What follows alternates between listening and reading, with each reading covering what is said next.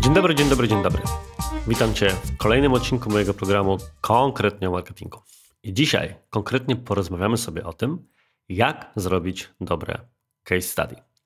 Każdy konsultant, szkoleniowiec ma chyba z czasem zestaw swoich własnych bonmotów, najczęściej powtarzanych zdań, które są pewnym skrótem myślowym, punktem wyjścia do jakiejś późniejszej, miejmy nadzieję, głębszej idei. I takim jednym z ulubionych zdań, które ukułem sam sobie, jest zdanie, że świat ma dość treści typu jak zrobić X, a za mało treści typu jak zrobiliśmy X. I to jest zawsze moją reakcją na dosłownie zalew generycznych, powtarzalnych, bardzo często spisywanych jeden od drugich treści publikowanych na różnego rodzaju portalach, blogach firmowych, kanałach na YouTube itd. Tak Różnica między treściami typu jak zrobić X, a jak zrobiliśmy X jest taka, że ta druga zakłada czynnik autorski. Musisz opisać coś, co sam zrobiłeś. Ewentualnie posłużyć się jakimiś swoimi przykładami.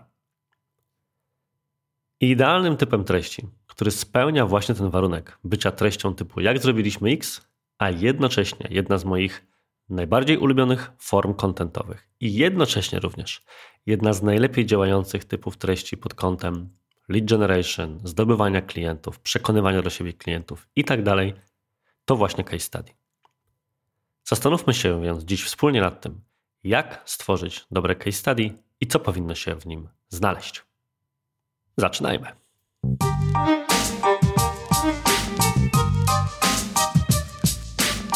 Zacznijmy może od tego, żeby w ogóle powiedzieć, dlaczego warto tworzyć case study. Po pierwsze, z mojej perspektywy, case study jest takim typem treści, która działa na kilku etapach lejka marketingowego. Myślę, że jeżeli by poczytać różnego rodzaju dostępne w sieci publikacje, to najczęściej case study byłoby umieszczane jako to działanie na poziomie środka lejka, czyli wtedy, kiedy klient jest na etapie edukowania się w zakresie dostępnych rozwiązań, czy ewentualnie sprawdzania, jak w zasadzie pewnego rodzaju praca może wyglądać. Dlatego też bardzo często niektóre firmy decydują się na taki manewr, aby za dostęp do case study należało zostawić maila. No, bo w tym momencie oni są jeszcze prawdopodobnie na tym etapie myślenia, z którym ja bardzo często walczę, że mail to jeszcze nie lead. Ale to temat na zupełnie inną dyskusję. Z mojej perspektywy, case study jest na dole lejka, bądź ewentualnie jest bliżej dołu lejka niż góry. Dlatego, że ja uważam case study za taki typ treści, po który sięga się, kiedy chcemy nie tylko oczywiście zobaczyć, jak coś działa, ale też przekonać się o jakości, być może nawet przede wszystkim przekonać się o jakości konkretnego wykonawcy, poznać dowody jego skuteczności albo narzędzia, które oferuje, jakość tego, co robi, jak działa, wyniki, które dowozi. Jest to więc rzecz związana z budowaniem zaufania, więc jest to raczej etap wyboru marki bądź dostawcy, rozwiązania, z którego chcemy skorzystać. Mniejsze natomiast o tego typu dyskusje, czy to jest dół, czy środek lejka, jedno jest pewne, na pewno jest to bardzo ważny typ treści, który pozwala przekonać się o tym, jak konkretny wykonawca działa. I to prowadzi mnie do mojego punktu numer dwa, dlaczego warto tworzyć case study. Ponieważ case study odpowiada na bardzo ważne pytanie. Czy Twoja firma albo Twoje narzędzie, czy Twoje rozwiązanie będzie potrafiła rozwiązać problem klienta? I odpowiada na nie, de facto odpowiadając na drugie pytanie, które można by sobie zadać, chcąc odpowiedzieć na to pierwsze. I ta skomplikowana konstrukcja prowadzi nas tylko do tego, żeby poznać to drugie pytanie. Czy Twoja firma albo Twoje narzędzie pomogło rozwiązać podobny problem firmy bądź osoby w podobnej sytuacji? No bo cóż, lubimy sięgać po sprawdzone i bezpieczne rozwiązania. Jeżeli więc reprezentowałbym palarnię kawy i chciałbym ją wypromować, i chciałbym do tego celu zatrudnić agencję reklamową, to najprawdopodobniej sięgnę po taką agencję reklamową, która ma już za sobą historię sukcesu dokładnie w tej branży. Wychodzimy bowiem z założenia, że jeżeli ktoś zrobił coś dla kogoś, to zrobi to i dla nas. Jest to w ogóle coś, co w marketingu ma swoją nazwę. Nazywa się testem, tudzież efektem Sinatry. Tak, w słynnej piosence Sinatry New York, New York pada takie zdanie, które być może znasz. If I can make it there, I'll make it anywhere. Jeżeli uda mi się tam, to uda mi się wszędzie. I stąd nazwa tego efektu, w której my widząc, że ktoś zrobił coś dla firmy, częstokroć też na przykład kilka kroków dalej na etapie budowania marki, rozpoznawalności czy wartości przychodu od nas, to wychodzimy z założenia, że jeżeli komuś udało się na tamtej marce, to uda się również i na naszej. Dlatego właśnie case study odpowiada na pytanie, czy Twoja firma będzie potrafiła rozwiązać mój problem? O czym mogę się przekonać, sprawdzając, czy rozwiązała podobny problem firmy w podobnej sytuacji. Jest to więc etap budowania zaufania. I po trzecie, równie ważne z mojej perspektywy, case study pozwala poczuć czy wyobrazić sobie Twoją usługę albo Twój produkt. Co bardzo często nie jest łatwe czy oczywiste, bo pewne rzeczy możemy interpretować na szereg różnych sposobów. Podam to na swoim własnym przykładzie. Na czym polega usługa agencji reklamowej? Każda agencja może taką usługę realizować w zupełnie inny sposób. Na czym właściwie polegają konsultacje biznesowe?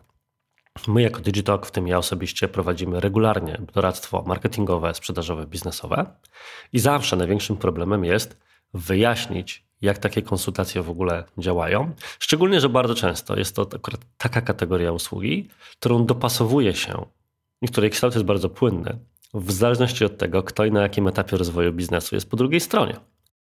Najłatwiej więc sięgnąć po konkretne przykłady i pokazać od samego początku, co po kolei w ramach takiej usługi się dzieje.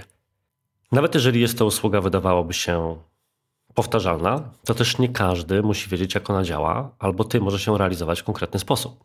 Dajmy na to wymyślanie nazwy firmy.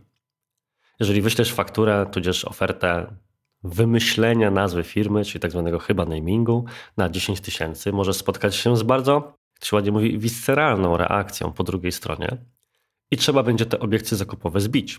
Jak się to wówczas robi? Na przykład pokazując, jak wielu drobnych zadań, coś co ogólnie nazywa się wymyślaniem nazwy firmy, de facto jest.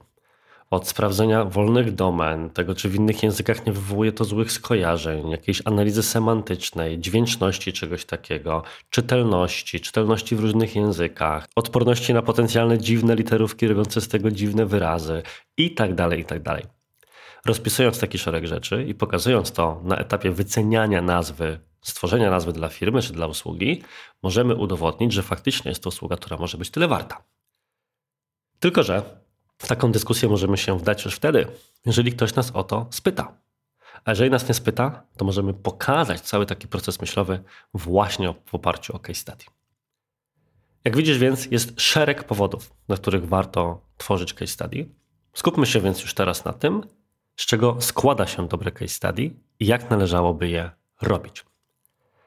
Jeżeli słuchasz mojego podcastu odpowiednio długo, to być może kojarzysz, że często posługuję się takim moim ulubionym frameworkiem opowiadania o projektach. Bardzo krótkim, bardzo skromnym. Było X, zrobiliśmy Y, wyszło Z. Mówiłem o nim szerzej w odcinku poświęconym rekomendacjom. Pozyskiwanie rekomendacji jest rzeczą trudną, a kiedy je już pozyskamy, to bardzo często są to rekomendacje natury ogólnej, typu świetna firma, wysoka jakość obsługi, gorąco polecam, co niekoniecznie spełnia swoją perswazyjną rolę pod kątem pozyskiwania kolejnych klientów. I dlatego zawsze mówiłem, że warto, żeby poprosić czy pomóc klientowi stworzyć takie rekomendacje, w których na początku pojawia się lekka analiza sytuacji wyjściowej, po tym co de facto zmieniłeś bądź zmieniło Twoje narzędzie i jakie wyniki to dało.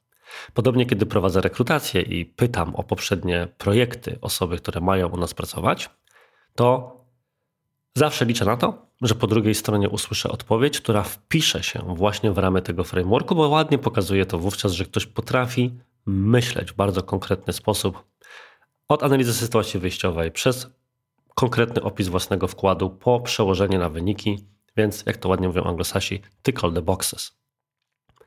I można byłoby powiedzieć, że case study jest de facto rozbudowaną wersją tego frameworku. Rozbijmy więc go na części i zastanówmy się nad każdym z nich.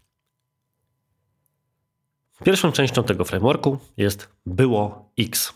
Było X, czyli sytuacja wyjściowa. z czym klient do ciebie przyszedł i co go bolało.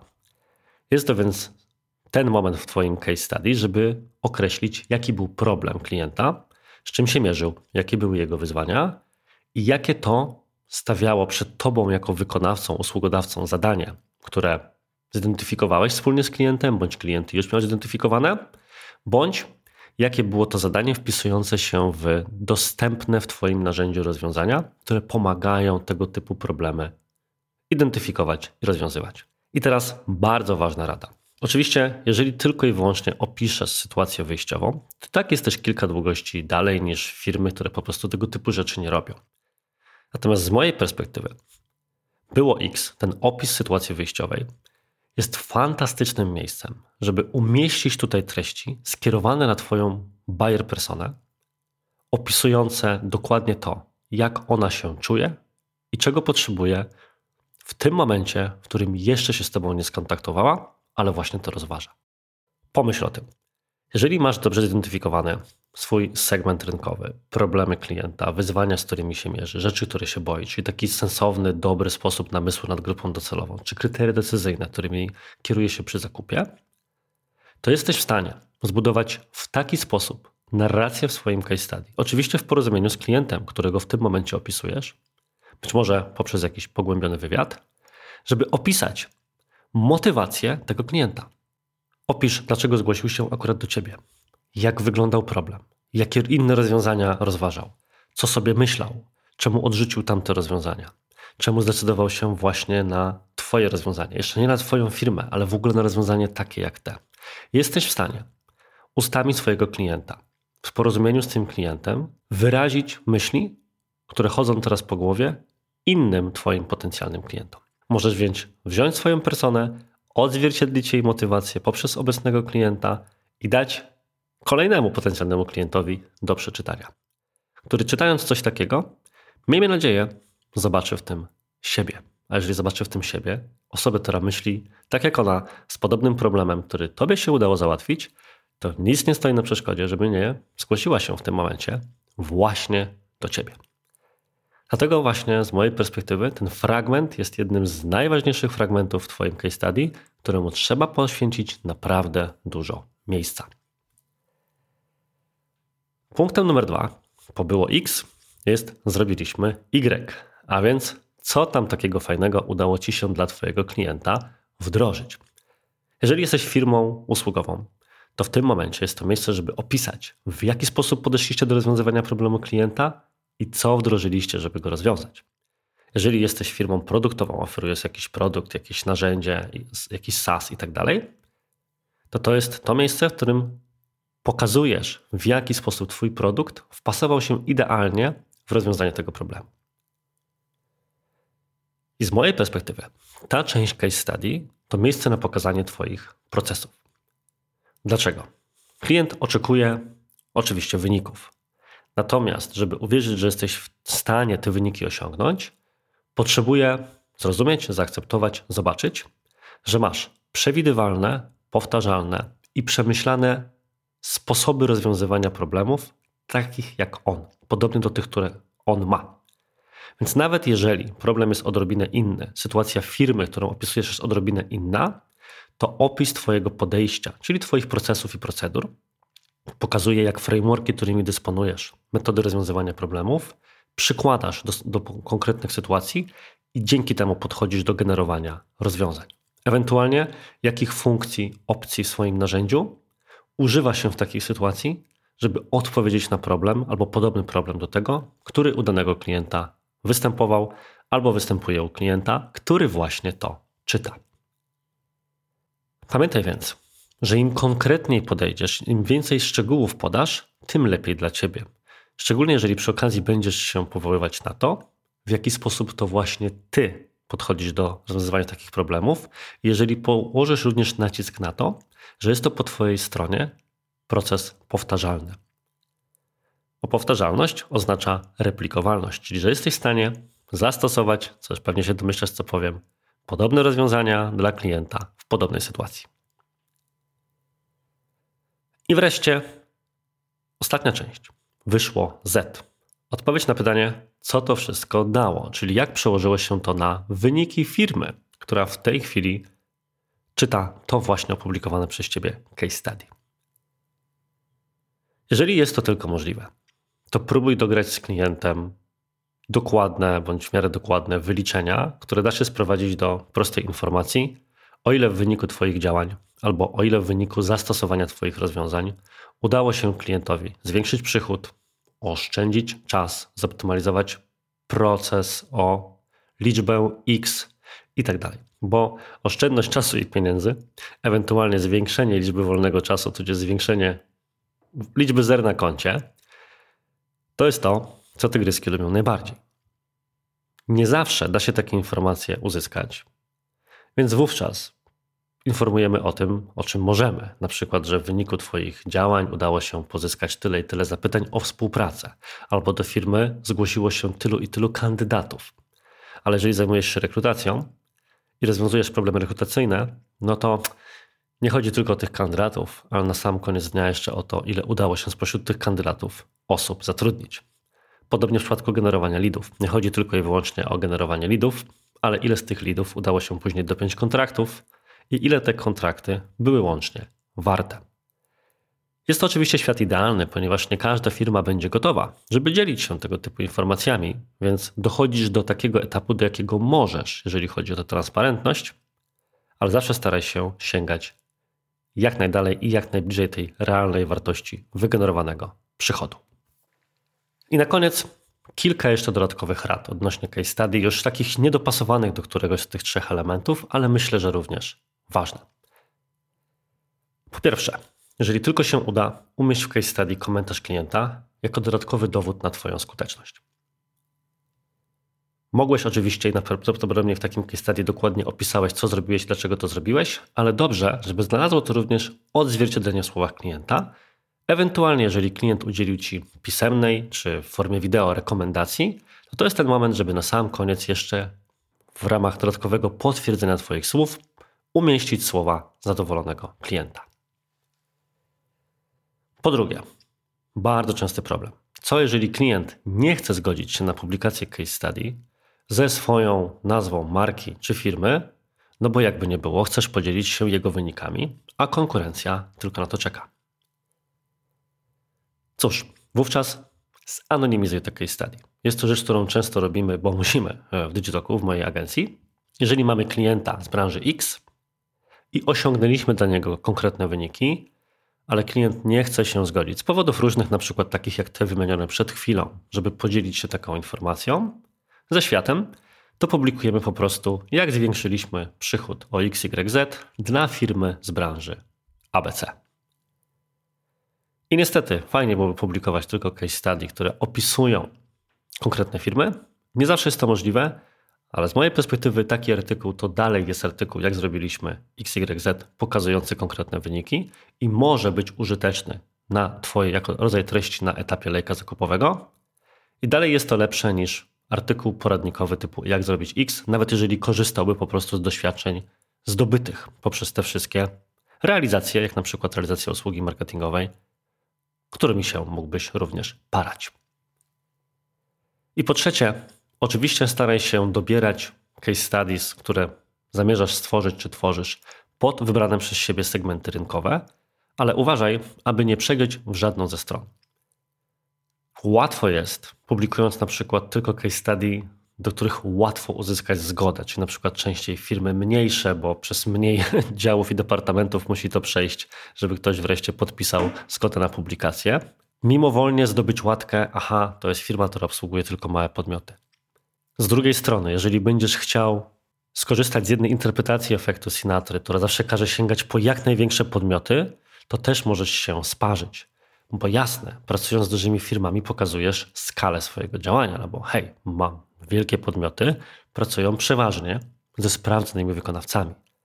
Natomiast możesz w ten sposób część klientów do siebie zachęcić, ale część zniechęcić, bo jeżeli twoje case studies będą tylko dotyczyć dużych firm, to ktoś, kto patrzy na twoją stronę i na listę twoich case studies stwierdzi, aha, więc ja jestem za małym klientem dla tej firmy, a nawet gdybym się zgłosił, to na pewno nie będą mnie traktowali tak dobrze jak te wielkie, pewnie płacące im olbrzymie pieniądze firmy, No bo ja takiego budżetu czy takich możliwości finansowych zwyczajnie nie mam. Niech więc Twoje case studies będą, jeżeli oczywiście pozycjonujesz się w taki sposób, żeby obsługiwać i jednych, i drugich pod kątem wielkości, zdrowym miksem między firmami dużymi i znanymi, a mniejszymi i takimi, przed którą globalna sława z Twoją pomocą dopiero jest. Podsumowując więc, żeby napisać dobre case study, wpisujesz się we framework było X, zrobiliśmy Y, wyszło Z.